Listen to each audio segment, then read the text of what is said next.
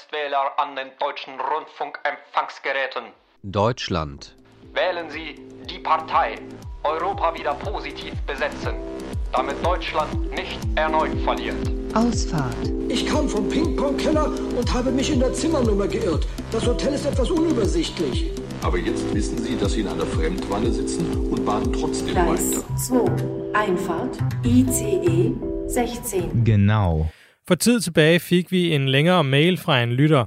Mailen handlede om delstaten Sachsen, en lille upåagtet delstat i det østlige Tyskland på grænsen til Polen og Tjekkiet. Lytteren mente, at mange havde et helt forkert billede af Sachsen, hvis man altså overhovedet kendte til delstaten. Personligt forbinder jeg også Sachsen med en trist DDR-fortid, og rent politisk så forbinder jeg den med indvandringskritiske Pegida-demonstrationer, som gik på gaden i Dresden, de voldelige højre ekstremister, som for to år siden gik amok i Chemnitz, og et utroligt stærkt bagland for Alternative für Deutschland. Og selvom alt det her er rigtigt, så er det jo langt fra et dækkende billede af fristaten Sachsen, som de ynder at kalde sig selv. Velkommen til Genau, som det næste stykke tid vil være med vikar her på Værtsposten. I dag er det mig, Egen Amripur.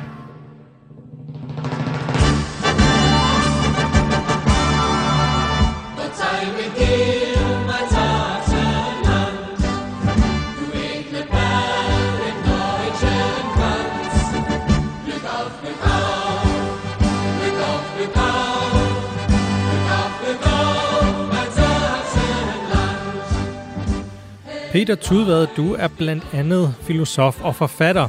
Og for få år siden flyttede du fra metropolen Berlin til den lille by Meissen i Sachsen. Lad mig lige starte med at spørge dig, hvorfor vælger man overhovedet at blive den fremmede et sted, der ellers er berømt for netop fremmedhad og voldelig ekstremisme? det er selvfølgelig et godt spørgsmål, og jeg vil også næsten sige, at det overraskede mig selv, fordi jeg havde boet i Berlin på det tidspunkt i 10-12 år eller så, og var meget glad for det her miljø, for denne her metropol, hvor det lidt smart sagt var sådan, at alle var fremmede. Og dermed følte man sig jo ikke selv som fremmed, ligegyldigt man var dansker, eller tyrker, eller pakistaner, eller amerikaner, eller hvad det måtte være. Men jeg havde en nytår, øh, en nytårsferie tilbragt tiden i netop Meissen sammen med min danske forlovede, og begge to tabte vi simpelthen hjerterne til byen lige på stedet. Den er en modsætning til Berlin. Den er ja, netop en lille by på knap 30.000 indbyggere imod Berlins 3,5 million. Ligger meget romantisk ved Elben, en af de største floder i Tyskland og Mellem-Europa i det hele taget. En gammel by med historie. Den er stilfærdig. Og ja, så er man netop en fremmed det her sted. Nu har jeg boet i Meissen efterhånden i 4-5 år eller så, og jeg er fortsat den eneste dansker overhovedet i hele Meissen. Ja, hele Meissen, som sagt, kun de her knap 30.000 indbyggere. Men for mig har det egentlig haft en fordel i og med, at jeg jo gerne vil i en eller anden udstrækning integreres i Tyskland. Det var faktisk på en gang meget let, måske alt for let, og meget vanskeligt i Berlin. I Berlin er der så mange andre danskere, så jeg blev hurtigt en del af den danske ghetto, så at sige. Men i Meissen, der findes der i sagens natur ikke nogen dansk ghetto. Der er kun mig. Punktum. Og på den måde har jeg været tvunget til at gå ud og lære tyskere at kende. Dertil kommer så også det her, lad os bare sige lidt provincielle fænomen, at de fremmede er nogle underlige størrelser. Så som udgangspunkt er man også nysgerrig. Man kan ikke være anonym i Meissen, som en Meissner sagde til mig ganske kort tid efter, jeg var flyttet dertil. De undersøgte, hvem pokker denne her sære dansker nu var. Ja, Sachsen, herunder også Meissen, er jo præget af en høj grad af fremmed frygt, nogle gange også det, der er værre, voldelige tendenser over for fremmede mennesker. Men for de fleste sakser er en dansker jo ikke en fremmed i den forstand. Sakserne sværmer for Danmark, og dertil har de så også et meget positivt billede af Danmark ud fra det, der er kult i Sachsen og hele det gamle DDR, Østtyskland, nemlig Olsenbanden, de Olsenbande. Det er ikke mange år siden, jeg var i Freiberg, en lille by oppe i Erzgebirge, bjergkæden mellem Sachsen og Tjekkiet, og så så jeg en graffiti på muren, hvor der stod Bilde de Olsenbande, altså Dan Olsenbanden. Det var sådan en opfordring til, jo det ikke højere ekstremistisk, men nok snarere venstre radikalt at danne den slags forbryderiske enheder til omstyrtelse af staten. Peter Tudvad, inden du introducerer os yderligere til delstaten Sachsen, så lad os lige starte med en introduktion af dig selv. Hvad laver du egentlig i dag, og hvorfor er det, du bor i Tyskland? Jeg er oprindeligt uddannet filosof med sidefast studie på teologi og statskundskab, og har i mange år ernæret mig som forfatter og foredragsholder, flyttet til Berlin i 2006, og kunne jo som male til i min store højloftede, højloftede lejlighed i Berlin-Kreuzberg, multikulti mekkaet der, og skrive mine forskellige bøger, artikler, oversætte bøger, hvad det nu måtte være. Så på den måde er jeg jo meget fri og kan bo, hvor det overhovedet passer mig. Men jeg har i Tyskland fundet en stor inspiration til mit forfatterskab. Jeg har alle dage været meget interesseret i historie, og historie er der så det klodser i Tyskland, altså ikke bare i Berlin eller i Sachsen, men det er der altså over det hele, så der er rigeligt at tage sig til. Jeg har så også, lad os bare sige lidt højtidligt, et idealistisk eller måske endda ideologisk øje med, hvad jeg foretager mig. For jeg føler mig i høj grad ikke bare som dansker eller som valgtysker, hvordan man nu end vil formulere det, men også som europæer. Og på den måde er det utroligt privilegeret at bo i Sachsen, fordi det ligger i næsten i hjertet af Europa, i Centraleuropa. Et sted, hvor der kan bygges bro mellem ikke bare nord og syd, men sandelig også, og måske frem for alt, mellem øst og vest. Lige over på den anden side af de før nævnte Birke har vi jo netop Tjekkiet. Som du var inde på, så grænser Sachsen også op til Polen. Det vil sige, at man ligger altså lige på klodshold af det slaviske Europa, hvor der tales slavisk. Og vi har i øvrigt også i Sachsen en beskyttet minoritet, sorberne, et slavisk mindretal på omkring 50.000 mennesker, som altså er beskyttet. Deres sprog er beskyttet. De har forskellige privilegier. På samme måde i øvrigt som det, det tyske mindretal i Sønderjylland, eller det danske mindretal i det nordlige Slesvig i Tyskland. Så på den måde, så har jeg det som blomme i et æg, hvor jeg nu befinder mig. Ja, og netop lighederne mellem Sachsen og Danmark er noget, vi også kommer til at tale sammen om, og vi skal også en tur omkring saksernes kultur og deres værn mod alt det fremmede. Sachsen har jo været kendt for højere radikalisme, som sagt, og lige den tid, hvor du flytter til delstaten, er der jo store anti-indvandringsdemonstrationer. Hvordan var dit eget første møde med sakserne? Det er egentlig meget positivt. De er, som jeg allerede har nævnt, nysgerrige. Fordi de ikke har det her store storbyfænomen, hvor man lidt blaseret har set det hele. De er nysgerrige, de er imødekommende, de er venlige, de er hjælpsomme. Men ja, så er der altså også denne her fjendskhed, og den har jeg selvfølgelig ikke oplevet på egen krop, bortset fra en tidligere nabo, som altså ikke brød sig om ikke-tyskere overhovedet. Der var et problem, ellers har jeg ikke haft noget af det. Men jeg har selvfølgelig set resultatet af alle de her ting. Jeg har oplevet det også i den kirke, som jeg er medlem af, at selv i kirkeligt regi, og på trods af, at kirken i den grad har engageret sig for flygtninge, for deres integration i kølvandet på krisen i 2015, så finder man altså også der rigtig mange fremmedfjendske elementer, mildest talt. I Meissen havde man nogle af de første afbrændinger af flygtningecenter i 2015. Et og samme flygtningecenter i hjertet af Meissen blev afbrændt to gange inden for 14 dage, intet mindre dengang i 2015. Når jeg er ude i Sachsen, som har en vidunderlig natur og vandre, hvad jeg meget hyppigt gør, så løber jeg ofte ind i små landsbyer i lokale sakser, og de henvender sig som altid venligt, og de er rigtig glade for, at jeg er dansker, og meget prompte kan de give sig til at tale om, at ja, nede i kirken, der har du vel set, hvad vi har af fine kulturgenstande, nogle kostbare, og ja, vi holder stadig kirken åben, men vi er jo bange, fordi der er jo nogen, der stjæler, og så får jeg at vide, hvem det er, der er under mistanke for at stjæle. Det er altid dem, der kommer østfra. Peter øh, Tudvad, du er jo ikke øh, just østfra, måske nærmere nordfra. Men jeg kan ikke lade være med at spekulere i, om du alligevel har mødt den skepsis, du omtaler her. Kan du ikke prøve at beskrive dit første møde med din nabo, efter du flyttede fra Berlin til Meissen? Det var lidt besynderligt og lidt trist, men det er gudskelov den eneste oplevelse, jeg har haft af den karakter.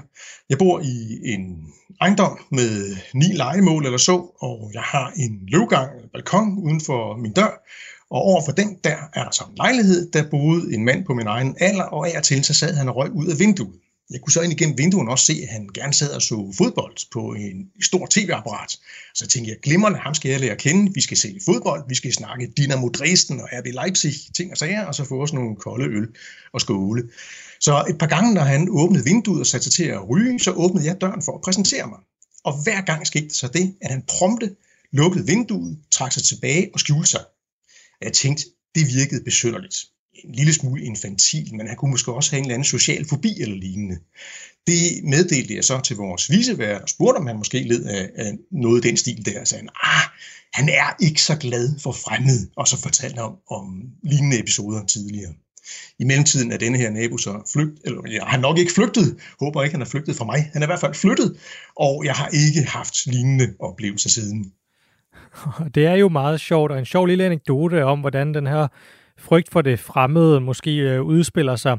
Også på trods af, at du jo ikke ligefrem ser så anderledes ud. Eller hvad, Peter Tudvad, kan man, kan man se, altså ser du meget anderledes ud som dansker i, i Mejsen? Nej, men det interessante er, også i det mindste for mig selv, at opleve denne her markante forskel på den lille saksiske provinsby Meissen, og så store multikulturelle Berlin. Fordi jeg i den første periode, da jeg boede i Meissen, faktisk bare havde min lejlighed som en slags refugium, jeg kunne ty til, når jeg var på ferie med min kæreste, eller bare gerne ville have ro, romantik, inspiration til det, jeg sad og skrev på. Så jeg pendlede frem og tilbage mellem Berlin-Kreuzberg og Meissen. Og nogle gange, når jeg kom tilbage til Berlin, så kunne det være som en enkelt gang, at toget var forsinket, og jeg kom så sent til Berlin, at det sidste S-tog også var kørt, og så måtte jeg tage en taxa hjem til min adresse.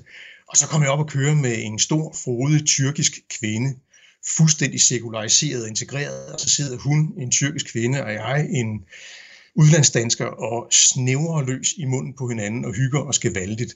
Og der må jeg sige, der oplevede jeg begyndelsen et savn, at jeg savnede noget i Berlin, nogle af kvaliteterne ved Berlin. Netop fordi man så let kommer til at møde mennesker, og det er de færreste, der har problemer med såkaldt fremmede mennesker. Jeg har så oplevet i Meissen, at der i stedet kommer en højere grad af kvalitet ind i mellemmenneskelige forhold for nu at tale det meget, udtrykt meget højtidligt. Det tager noget tid at lære sakserne at kende, komme ind på livet af dem, men når man så først gør det, så er man altså også rigtige venner, og så er man klar til at gå igen, gennem ild og vand for hinanden. Og du nævner... Jeg tænker, at man i Danmark har noget af det samme, at der er forskel på at bo i København eller Aarhus på den ene side, og så på den anden side bo på Møn eller Falster eller Nordjylland, eller hvad det nu måtte være. Ja, og nu nævner du selv Berlin og Sachsen, og jeg kunne godt tænke mig lige at prøve at sætte det lidt på spidsen, for man kan jo sådan set godt sige, at Berlinet er symbolet på det pulserende, det der altid er under forandring, multikulti, eh, Tyskland osv. Og det kan jo være enormt dragende, det kan være festligt osv., Omvendt er Sachsen også symbolet på dem, som politikerne i Berlin har glemt. Det gamle Tyskland med al sin storartede kunsthistorie. Det er konservative, det er forudsigelige og til tider selvfølgelig også voldsomme modstand mod alt det fremmede.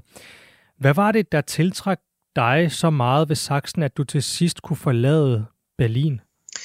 Det var noget af det, du antyder der, at der var en ægte kultur.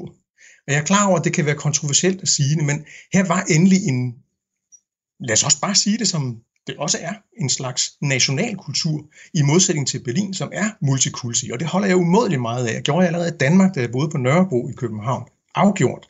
Men der kommer altså en anden form for fylde og kontinuitet i det, når det ikke forandrer sig konstant. Altså man har jo allerede for et halvt eller tre kvart århundrede siden sagt om Berlin, at Berlin aldrig er sig selv, at den altid er en anden. For kommer man tilrejsende udefra med et par års mellemrum, så kan man ofte dårligt genkende byen eller bestemte kvarterer i den, fordi den hele tiden er i denne her forandringsproces. Og det er jo noget af charmen ved Berlin, noget af det storslåede ved den, noget af det tiltrækkende ved den. Men det har måske også noget at gøre med alder. Nu er jeg vægt efterhånden blevet 54 år, at så vil jeg gerne have lidt mere ro. Det tiltaler mig det her.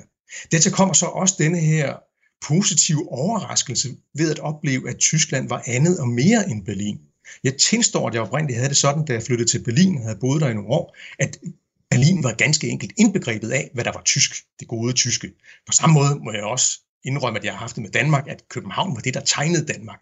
Det var det egentlige Danmark. Og så så jeg ikke ret meget, skilede ikke ret meget til provinsen, til udkants Danmark. Hvad havde de at byde på? Jo, de havde nok en del.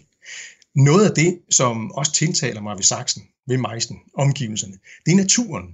Berlin er en stor, flad by Bevares, der løber et par floder igennem, Spree, Havel, og der er nogle kanaler, og det er også charmerende sine steder. Men Sachsen er et kulturlandskab fra ende til anden. Der er den store flod Elben, som jeg allerede har nævnt. Der er selvfølgelig en, en bunke bifloder, som Mulde eksempelvis. Der, og Spree har har sit udspring i øvrigt også i Sachsen. Og så har vi gedigende bjerge, såkaldte Mittelgebirge. Fichtelberg på grænsen til Tjekkiet er 1200 meter højt. Der ligger stadig mere end halv meter sne, selvom det er varmt nede i dalene. Der er klipper. Og jeg, jeg tænker, jeg som dansker, som lavlandsdansker, har altid haft en romantisk forestilling om netop floder og klipper.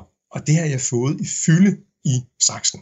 Så det er noget af det, der også har trukket mig væk fra Berlin, fordi det manglede jeg der, altså bortset lige fra de der floder der, ikke, som mere tager sig ud som en art transportveje, kanaler, som shippingbranchen bestemmer over.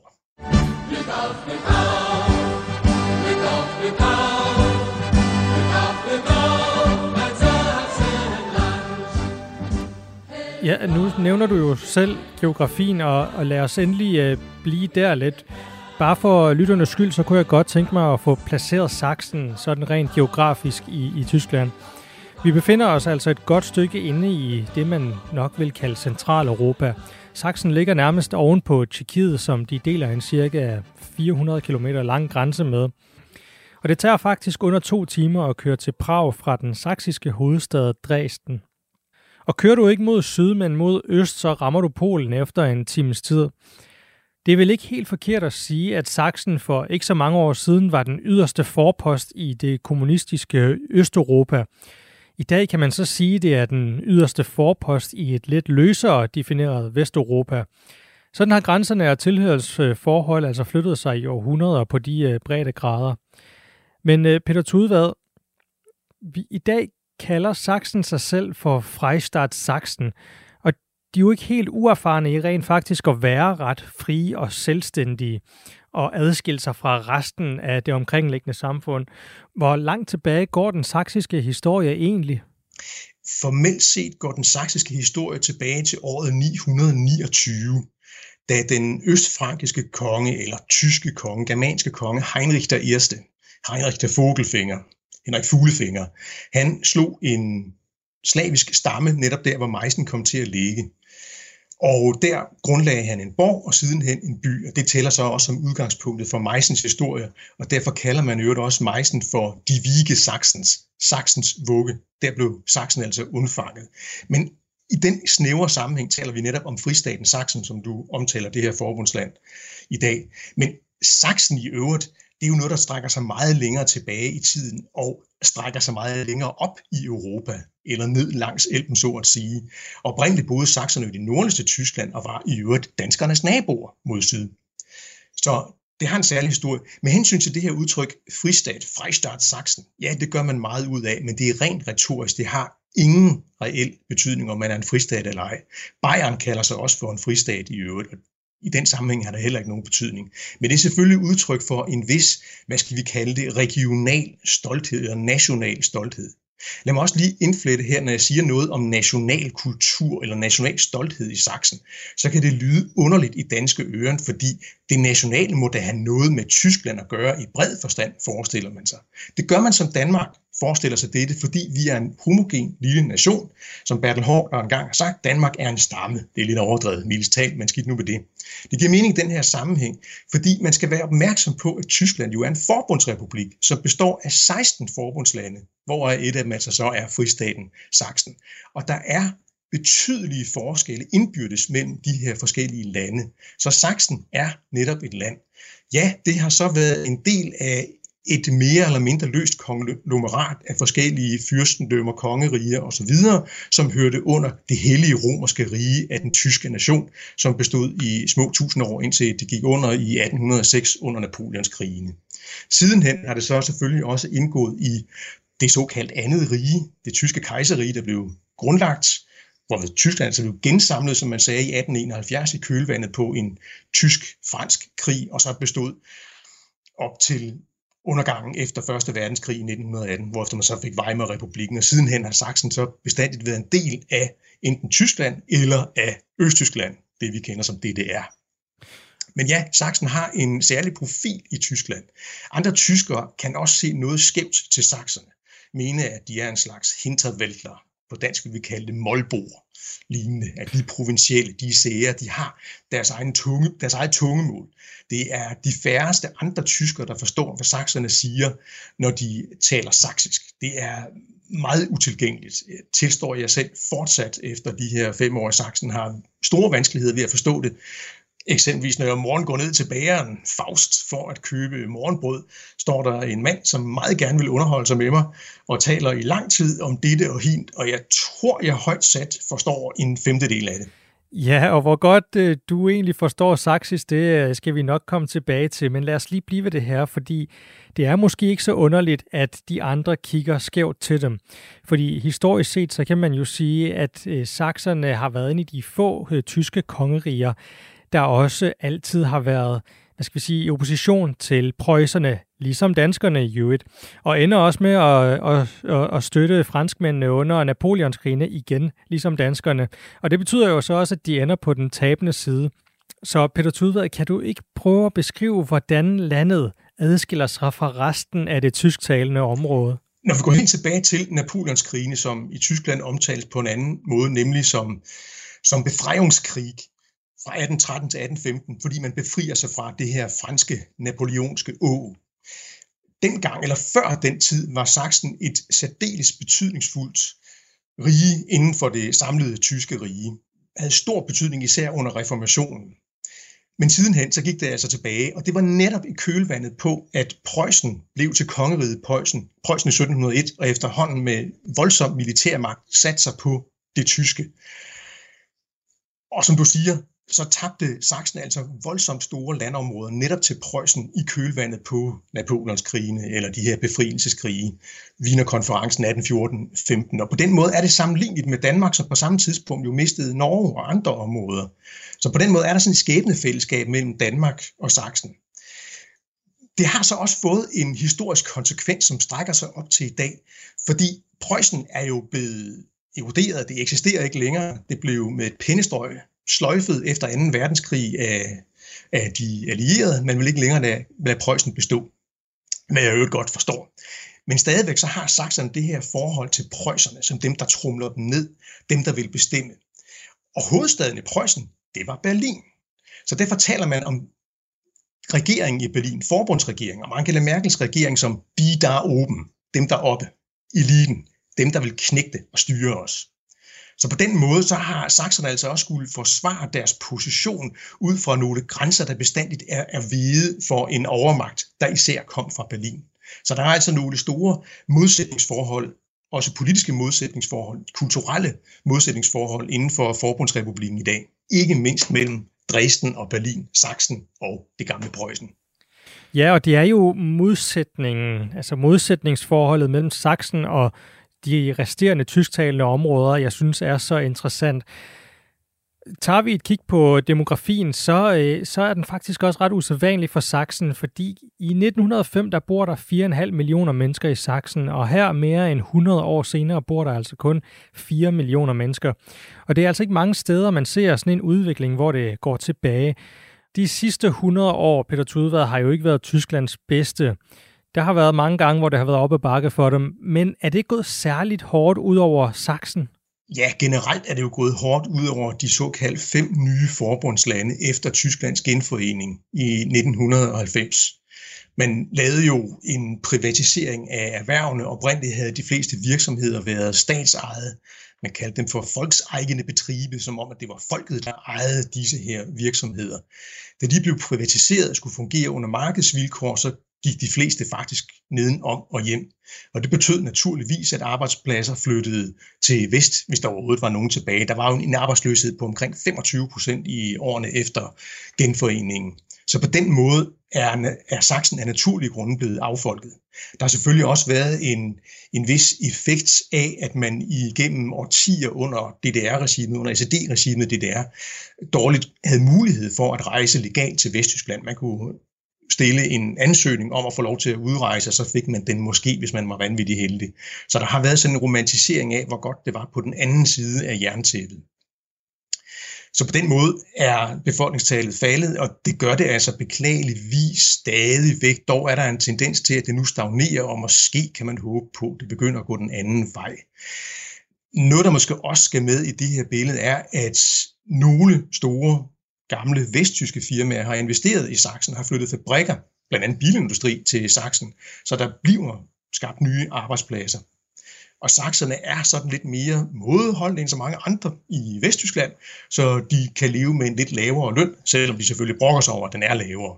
Det handler meget om den respekt, som man forventer af det samlede Tyskland. Det er måske en lidt anden sag. Vorfreude. Fantastisch. Spitzfindigkeit. Kuddelmuddel. Genau aus Rundfunk 4. Wir sprechen mit Deutschland.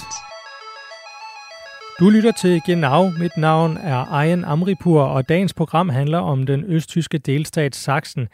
En delstat, som ligger på grænsen mellem Øst- og Vesteuropa, og en stat, som i nyere tid flere gange har gjort sig uheldigt bemærket i de europæiske nyhedsdagsordner. Det har stået på mandag efter mandag i nu to måneder.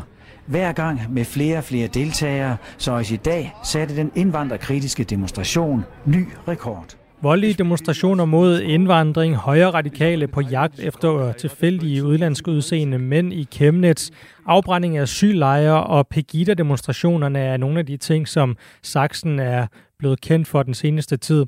Men allerede efter en halv times øh, samtale med dig, Peter Tudevad, filosof og forfatter bosiddende i Meissen, må jeg simpelthen sige, at billedet har fået flere nuancer. Og nu skal vi tale lidt om sakserne og deres kultur, fordi sakserne ser jo sig selv som modstykket til resten af Tyskland. Og de går virkelig op i og værner jo et meget om deres særegne træk. For eksempel kort i hvert år årets saksiske ord, og jeg kan oplyse om, at det sidste år var Schnuttendækkel, som betyder... Ansigtsmaske. Ansigtsmaske, lige præcis. Hvordan oplever du den saksiske selvbevidsthed, eller lad os bare kalde det stolthed? Den oplever jeg på mange forskellige måder, både positivt og negativt.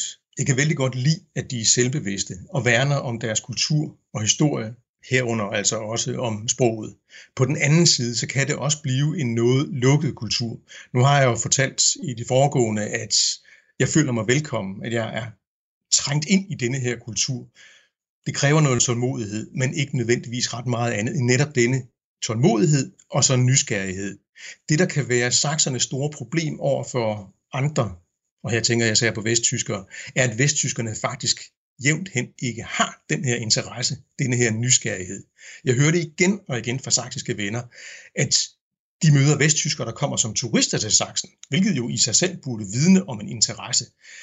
Man kender i det øvrige Tyskland Sachsen som et kulturrejsemål. Man vil selvfølgelig til Dresden og se den genopførte Frauenkirche.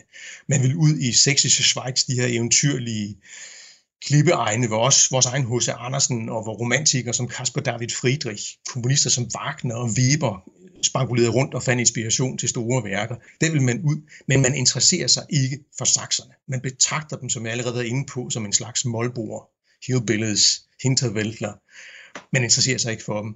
Jeg kan ikke lade være med at nævne en lille historie, som for mig har overbevist om, at vesttyskerne ser sådan på dem.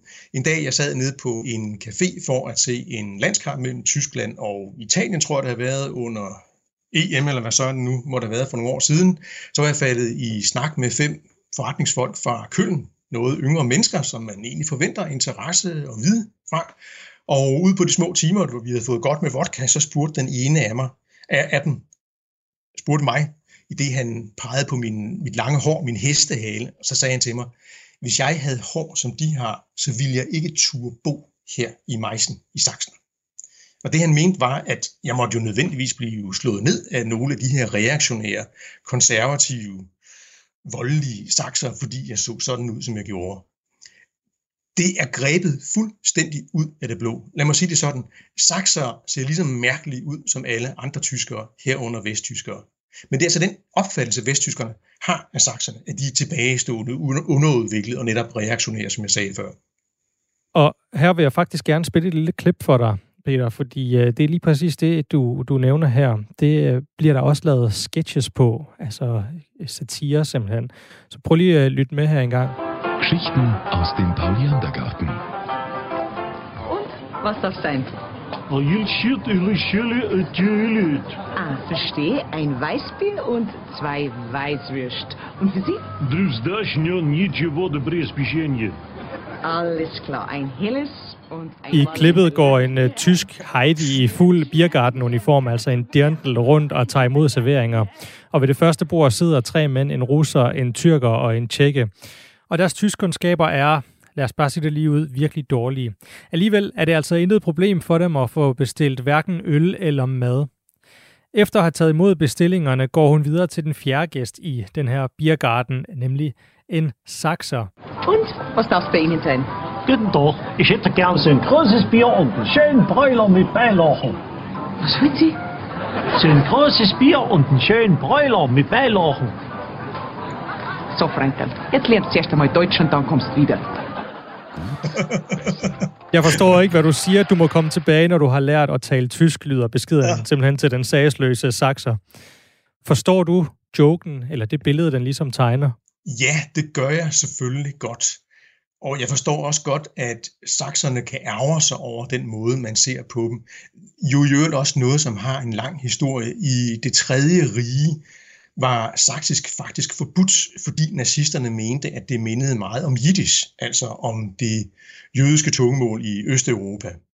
Sidenhen så blev saksisk gerne identificeret med Walter Ulbricht, den første statsleder i det SED-styrede DDR. Han kom fra Leipzig, den største by i Sachsen, og talte altså også udpræget saksisk. Så på den måde er saksisk også blevet associeret med netop DDR og med denne her kommunistiske måde via, via femårsplaner at kommandere med folk og fortælle dem præcis, hvad de skulle producere og hvad de øvrigt måtte gøre. Og det er noget, der hænger ved selv her 31 år efter, at Tyskland blev genforenet. Man kan jo egentlig sige, at det er ret fantastisk efter så mange år og efter genforeningen, at den her dialekt trods alt stadig er så levende. Fordi de her særlige øh, dialekter og egensdialekter er jo egentlig noget, der lige så langsomt uddør, blandt andet også hjemme i, i Danmark. Og du nævnte selv tidligere, at det er en enormt svær dialekt, og nu fik vi så også øh, hørt, hvordan det lyder som Volapyk selv for os, der rent faktisk kan tysk. Men forstår du egentlig saksisk selv? Vanskeligt. De fleste sakser evner gudskelov at tale Hochdeutsch, højtysk, så man forstår det. Og så er der jo også mange, lad os kalde det underdialekter i Sachsen. Så nogle er mere forståelige end andre. Jeg har lavet mig fortælle, at der også er sakser, som ikke forstår bestemte saksiske dialekter, især oppe i de fjerneste egne og højeste egne af Erzgebirge i Fugtland. Der skal det være en helt speciel dialekt, som er meget svær at forstå. Jeg oplevede det i øvrigt allerede, da jeg flyttede til Meissen, hvor jeg var nede på Byrgerbureau for at melde mig til. Og der sad en dame over for mig, og hun sagde en hel masse, som jeg ikke forstod et kvider af. Og så kigger hun på mig, og så siger hun pludselig på højtysk, højtysk ah, de forstår ikke saksisk. Nej, måtte jeg indrømme. Og så slog hun altså konsekvent over i højtysk, og så forstod jeg, hvad hun sagde. Men hvornår bruger folk altså så saksisk? Fordi øh, i kirken taler de vel højtysk, og rundt omkring i butikkerne, tænker jeg, taler man højtysk ja. eller saksisk, eller hvordan? Hvis man kommer i et supermarked, hvis man kommer i kirken, og normalt også, hvis man kommer på offentlige kontor, så bliver der talt højtysk, så man kan forstå det. Men i andre sammenhænge, så bliver der også talt, bliver der også talt saksisk. Hvis vi tager den menighed, jeg er medlem af, så er det klart, at præsterne de prædiker altså på et forståeligt højtysk. Der er jo også andre end sakser til stede, for eksempel mig selv, en dansker. Men i menigheden selv er der jo en masse, som er ærke sakser, og de taler saksisk, og man skal virkelig koncentrere sig for at forstå, hvad der bliver sagt. Men det er også, synes jeg, charmerende mange gange. Mange opfatter saksisk som grimt, så siger man for eksempel, at sakserne de lyder som om, de har en kartoffel i munden, en meget stor kartoffel endda. Men jeg synes også, det kan være meget charmerende, på samme måde med danske dialekter.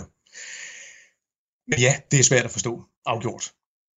Og, og den, det er måske også det, der i virkeligheden er skyld i, at de er så selvbevidste og værner så meget om deres egen kultur og, og, og skærmer sig så meget. Måske er det også det, der, der gør, at det engang imellem kommer over, og, og man ser de her øh, stærkt højreorienterede miljøer, der fra tid til anden stikker hovedet frem, blandt andet i Chemnitz øh, Pegida øh, Alternative for Deutschland, der blev kæmpe store i 2019. Så er, er det den samme selvbevidsthed og, og den samme værnen om, om egen kultur, der jo kan gå fra at være uskyldig, men som også til sidst kommer over og, og, og bliver voldelig? Det er det også. Men der er jo mange faktorer, der er bestemmende for det her fænomen. Og som du nævnte, AFD, der ved landdagsvalget i 2019 fik faktisk hele 27 procent af stemmerne, og kun lå cirka 4 procent efter regeringspartiet CDU, det konservative Merkels parti. Men det handler selvfølgelig også om denne her oplevelse af bestandigt at få pålæg udefra. I DDR-tiden fik man bestandigt pålæg fra, fra SED, fra det her socialistiske enhedsparti, der sad på magten. Og efter de vendte, fik man så pålæg fra sådan noget som Trøjhand. Det var en institution, som netop skulle stå for privatiseringen af de her 15.000 statsejede selskaber hele tiden har man haft den her følelse af, at nogen kom og ville bestemme. Og det samme oplevede man så i 2015 under flygtningekrisen, at det var Merkel i Berlin, der sad og fortalte sakserne, hvor mange de skulle tage imod, og hvor de skulle bo, og hvad ved jeg. Så det har altså også været medvirkende til den fremmedfjendtlighed, man, man så og stadigvæk ser i Sachsen. Men der ligger bestemt også noget i den, lad os bare sige, saksiske kultur og mentalitet. Jeg har lavet mig fortælle af venner i, i Sachsen, i Meissen, i Dresden, at ganske kort tid efter, at SED-regimet var faldet, kommunismen var faldet, og man fik denne her tyske genforening den 3. oktober 1990, så sprang folk ud af skabet og afslørede sig selv som højreorienteret, eller rettere sagt højre radikale. En veninde har fortalt mig, at hun skal oplevede, at det var det, man var smart ved at være i årene lige efter de vendte, altså lige efter 1990. Så det har jo ligget allerede i samfundet herunder i Sachsen før 1990, under kommunismen. Og det er måske også, fordi der har været et overtryk, at, at låget simpelthen bare er sprunget af i 1990, og det hele er eksploderet, kunne jeg forestille mig. Men ja, der er så altså også det her igen, det her fænomen, som vi jo også kender fra mange andre steder i Europa, måske også Danmark, at et lille land vil hæge os om sin kultur, også når det i kølvandet på, eller i sammenhæng med, med en internationalisering, en globalisering, føler sig truet og hele tiden bliver konfronteret med krav. Måske ikke nogen, der lige kommer fra Berlin eller fra Bruxelles, eller hvor det måtte være, New York, hvad ved jeg, i FN, men nogen, der kommer fra anonyme kræfter. Det har man haft nok af. Nu vil man gerne selv bestemme langt om længe, efter ikke at have måttet det, i løbet af to diktaturer i, i Østtyskland, i Sachsen. Jeg mener, man har både haft nazidiktaturet fra 33 til 45, og så sidenhen efter krigen og helt op til 1989-90 haft et, et socialistisk, kommunistisk eller pseudo-socialistisk regime, der dikterede tingene. Så man har altså også noget at værne om. Og som jeg har været inde på allerede, så kan den saksiske kultur forekomme mig at være mere fyldig eller have mere substans, end den eksempelvis har i store byer som Hamburg eller Berlin eller sågar München, Stuttgart at der er noget, man netop vil værne om. Og man føler så, at når der kommer mange fra andre steder, det kan være fra Østeuropa til dels, og det kan være flygtninge, der kommer fra, fra Syrien eller Palæstina, eller hvad det end måtte være, at det er nogen, der truer den saksiske kultur, som man så vil værne om, og man føler sig sin ret til at forsvare sig. Men så er der jo så også det her, at sakserne har et, lad os bare kalde det et modstandspotentiale. De lader sig ikke diktere, de gider ikke længere. Så de er altså også klar til at sige fra. Noget, der måske er interessant i den her sammenhæng, det er at se på den gloværdige, såkaldt fredelige revolution i 1989. Og ja, den blev jo gudskelov fredelig. De fleste kender billederne selvfølgelig fra Berlin, da muren faldt den 9. november samme år. Og så også billeder fra netop to store saksiske byer, hvor det hele egentlig begyndte. I Dresden og frem for alle andre steder i Leipzig. Man havde de her store mandagsdemonstrationer, hvor der gik op til mindst 70.000 mennesker på gaden under den største af dem. Og så gik de rundt og råbte, keine Gewalt, ingen vold. Men det var kirken, der var primus motor i det foretagende. Så meget snidigt også havde udtænkt den plan, at nu giver vi dem et sterinlys i hånden alle sammen, så kan de ikke bruge hænderne til andet end at bære det lys, så bliver der ikke vold. Og det blev der ikke. Men jeg tror, at man har romantiseret denne her revolution i temmelig vid udstrækning. For det viser sig jo faktisk, at mange af dem, der var med dengang, de var højre radikale. Så i nogen udstrækning, eller i vid udstrækning, er det de samme mennesker, der også gik på gaden i 2015, da Pegida så dagens lys, som går med på AFD-demonstrationer, som i dag, 2020-2021, går på gaden i Leipzig under store demonstrationer imod statens coronatiltag. Lyt auf, lyt auf.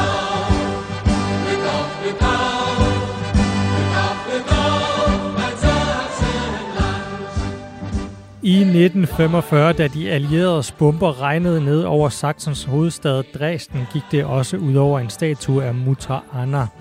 Statuen stod foran en kirke i den centrale del af byen og slap kun med nød og næppe fra skrothandleren i det kommunistiske DDR.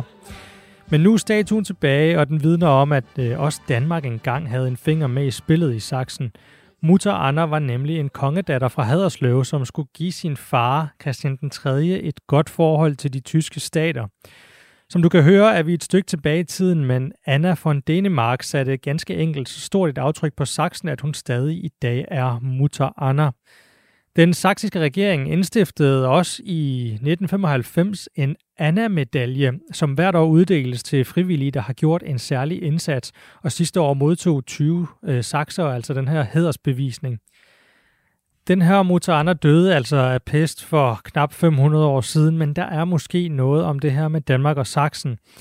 For der har godt nok været mange alliancer mellem os, og Peter, det kan være, at vi lige skal prøve at rise op. Øh, hvad er det for nogle fælles interesser, vi danskere har haft med sakserne? Den største fælles alliance har været reformationen.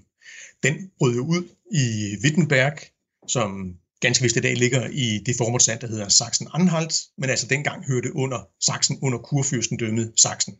Og den spredte sig særdeles hurtigt nordpå til netop Danmark, et af de første lande, hvor reformationen eller den reformatoriske tænkning, den luthersk evangeliske kristendom, blev statsreligion.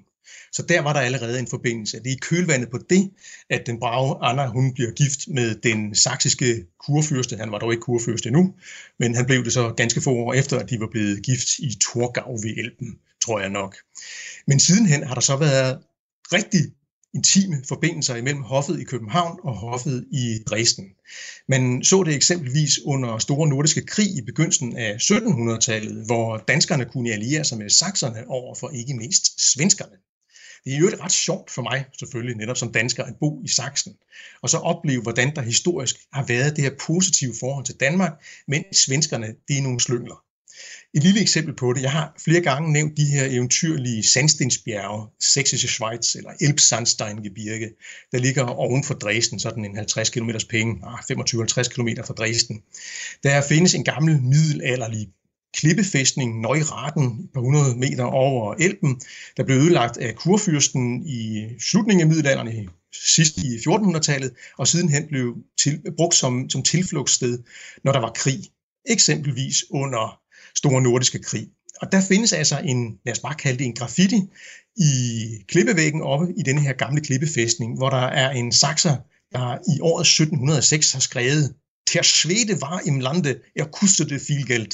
Altså, svenskeren var i landet, han kostede mange penge. Så det er altså det forhold, man har til svenskerne, samtidig med, at man allierede sig med danskerne. Så har du allerede været inde på det her skæbnefællesskab, som man havde ikke mindst under Napoleonskrigene eller befrielseskrigene, hvor både danskerne og sakserne allierede sig med Napoleon, og det var jo ikke så heldigt. Man satte på den helt gale hest, og det kom til at koste i form af afståelse af store landområder. Men det er altså også noget, man er bevidst om i dag. Du nævnte det her med Anna-medaljen, som blev indstiftet i 95, 1995. Men man har også, jeg husker ikke præcis, hvornår det var, det var før min tid i Sachsen, haft en stor udstilling, som både var i Dresden og i København, som lige præcis handlede om de her nære forbindelser mellem de to hoffer i henholdsvis Dresden og København. Så det er altså noget, der indgår i denne her fælles bevidsthed, så at sige. Og vores fælles referencer begrænser sig altså ikke til royale forbindelser og, og strategiske partnerskaber. Vores allesammens H.C. Andersen havde også sin første rejse til øh, Sachsen, som han efter sin skulle have været meget begejstret for. Er det ikke rigtigt, Peter? Ja, det er sandt. Vores kære H.C. Andersen tog på sin første store udlandsrejse i 1831, 26 år gammel. Meget modigt, synes jeg jo, ganske alene og var afsted i nogle måneder og udgav straks sine rejseerindringer, da han kom hjem med en forfærdelig masse sproglige fejl i øvrigt, hvad han naturligvis blev klandret for. Den fik titlen Skyggeris af en rejse til Harzen, i saksiske Schweiz, etc., etc. i sommeren 1831. Den gode Andersen sværmede for alt sydlandsk. I første omgang havde han altså ikke penge til eller mulighed for at komme tilstrækkeligt langt syd til, helt, sydpå til helt at realisere sine drømme, nemlig Italien. Men så kom han altså til Sachsen. Det var det sydligste, han nåede til og hans rejse kulminerede i Sächsische Schweiz, som jeg allerede har omtalt adskillige gange, og den gode Andersen fattede en lige så stor kærlighed og begejstring til det her område, som jeg selv og mange andre har gjort sidenhen. Det er nærmest indbegrebet af romantik, og altså ikke bare saksisk romantik, men tysk romantik. Andersen står jo selv med benene solidt plantet i romantikken, den tyske såvel som den danske. Jeg har også allerede nævnt, at ude i disse her bjerge huserede andre end hos Andersen, ganske mange tyske digtere. Der var også komponister netop som Wagner og Weber, som jeg også allerede har nævnt, og så frem for alle den store maler Kasper David Friedrich, der jo i øvrigt læste på Kunstakademiet i København i 1790'erne i ikke færre end fire år, hvorefter han flyttede direkte til Dresden, hvor han boede fra 1798 til 1840, da han døde. Hans store malerier, som på mange måder kan bruges som illustrationer til Andersens rejseberetninger, kender de fleste danskere sikkert også. Der findes jo også malerier af ham på samlinger i København. Det bedst kendte maleri af ham er nok det, der hedder Der vandrer über dem Nebelmeer, Vandreren over togehavet, hvor man ser en mand stå i forgrunden. Man ser ham på ryggen, han står med vandreudstyret på. Lang frakke havde man åbenbart dengang, og så en stok, og så kigger han ud over det her togehav, hvor diverse bjergtoppe rager op. Og det er simpelthen en collage af forskellige skitser, han har lavet ude i Sächsische Schweiz, i øvrigt primært i 1813 under krigene det, vi kalder Napoleonskrigene, de tyske befrielseskrige, hvor Sachsen var, var scene for nogle af de store slag, hvor Dresden også blev bombet i øvrigt. Så han flygtede fra Dresden og boede hos en kammerat i en lille by, der hedder Krippen, der ligger ved Elben oppe i de her bjerge. Og så tog han ellers ud på ture med staffeliet og malede løs. Men ja, den gode Andersen kom altså dertil, og som sagt kulminerede hans rejse der. Han var i Dresden i en periode og besøgte datidens måske største tyske digter Ludwig Tieck, og var meget stolt af, at Tieck allerede havde læst et af Andersens værker. Med til historien hører, hvad Andersen selvfølgelig ikke fortæller, at Andersen selv for inden før sin rejse havde sendt Tik et eksemplar af sin bog, som jo altså kun var kommet på dansk. Så hvordan Tik skulle have været i stand til at læse denne her bog på dansk, det må man nok lade stå hen i det uvisse. Men det var sådan et lille salgstrik, hvor Andersen kunne demonstrere, at han allerede som 26-årig var en, man viste pågivenhed ude i det store Europa herunder i Sachsens hovedstad Dresden hos ingen ringer end Ludwig Tik. Udover gamle krige og fordomsalliancer mod prøjserne og svenskerne, så lyder det på dig til, at lighederne trækker deres spor helt ind i det 21. århundrede. Jeg tænker bare, Sachsen er et lille land med eget sprog, et særlig kultur og en relativt homogen befolkning, der værner om deres identitet og kultur. Det virker for mig som dansker bekendt. Og så er der samtidig det her med skældet mellem udkant og storby, som man også kender herhjemme fra den politiske debat og udkants Danmark og det gule Danmark over for øh, storbyerne osv. Ser du også de ligheder, eller er jeg simpelthen for optimistisk i at finde ligheder mellem øh, danskerne og sakserne her? Nej, jeg ser bestemt disse ligheder. Helt afgjort. Eksempelvis under det seneste forbundsdagsvalg for snart fire år siden, oplevede man i nogle små saksiske kommuner, at et stort gammelt parti som Socialdemokratiet, SPD, ikke kunne afse en kandidat. De stillede med andre ord ikke op. De fandt det ikke fornødent.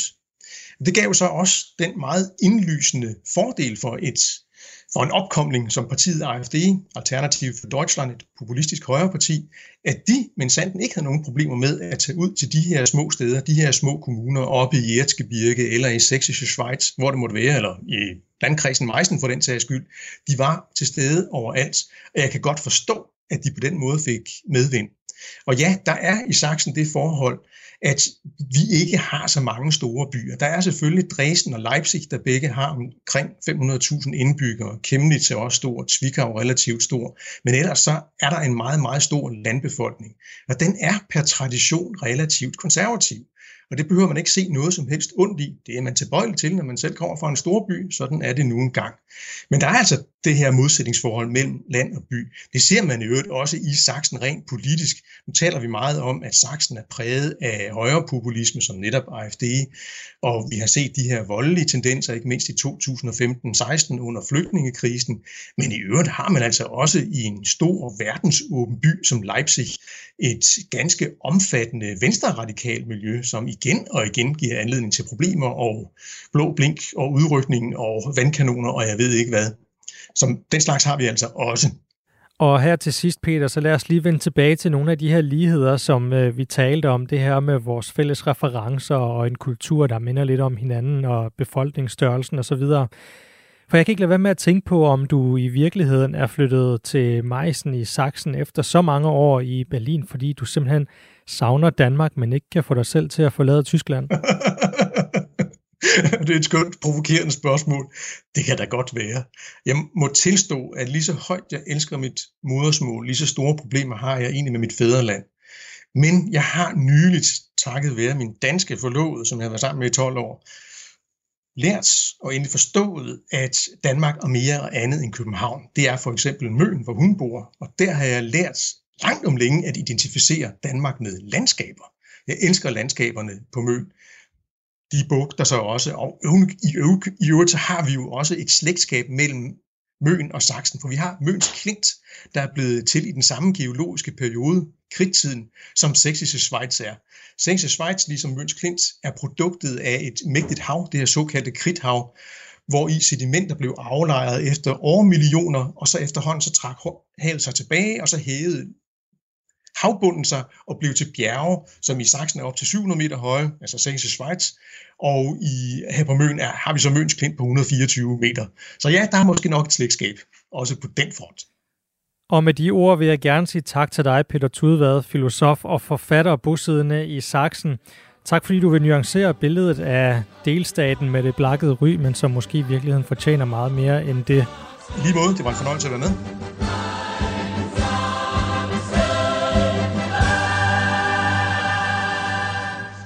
Du har lyttet til Genau med mig, Ejn Amripur. Skriv til os på genau-radio4.dk, hvis du har en idé til et fremtidigt program, ris eller ros til os. Vi hører særlig gerne fra dig, hvis du har et forslag til en enkelt delstat, vi kan dykke ned i i et fremtidigt program. Her på redaktionen overvejer vi nemlig, om vi igen i næste uge skal lave endnu en delstatsudsendelse. Indtil da vil jeg bare sige tak, fordi du lyttede med.